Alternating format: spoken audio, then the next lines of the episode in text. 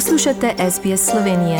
Prisluhnite še drugim zanimivim zgodbam na sbsp.com.au pošiljka Slovenije. Pozdravljeni, ljubitelji športa. Še teden dni nas loči do kolesarskega dogodka sezone, dirke po Franciji, ki je bila v zadnjih dveh letih popolnoma slovensko obarvana. Tadej Pogačar bo namreč branil dvojno zaporedno zmago na največji kolesarski dirki na svetu, Primoš Roglič pa bo skušal ponovno napasti rumeno majico, ki jo je pred dvema letoma nosil vse do predzadnje etape, ko ga je na zmagovalnem odru prehitev prav Pogačar. Zadnji trening pred dirko po Franciji je Tadej Pogačar opravil na dirki po Sloveniji, ki jo je prav tako dobil drugo leto zaporedoma.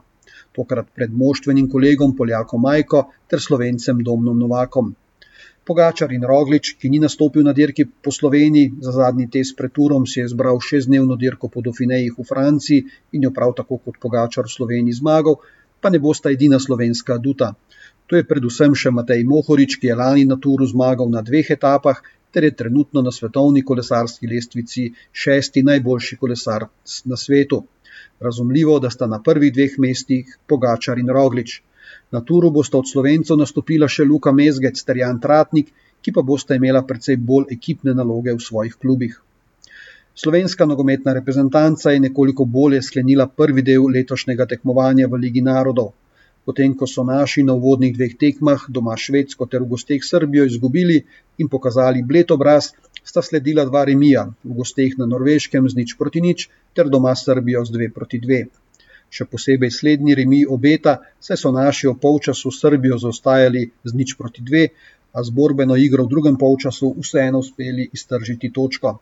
Septembre naša, naše čakata še tekmi Švedsko v gosteh in Norveško doma.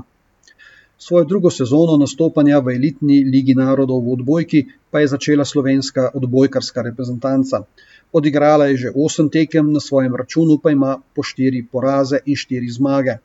Do konca bo v Ligi 16 najbolje rangiranih reprezentanc odigrala še sedem tekem in vkolikor bo vrščena med prvih osem reprezentanc, jo na to čaka še zaključni turnir.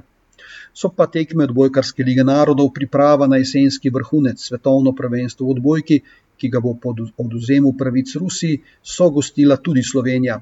Pri nas v Ljubljani naj bi tako igralo 12 reprezentanc v treh pretekmovalnih skupinah, gostili pa naj bi še štiri tekme osmine finala in dve tekmi četrt finala.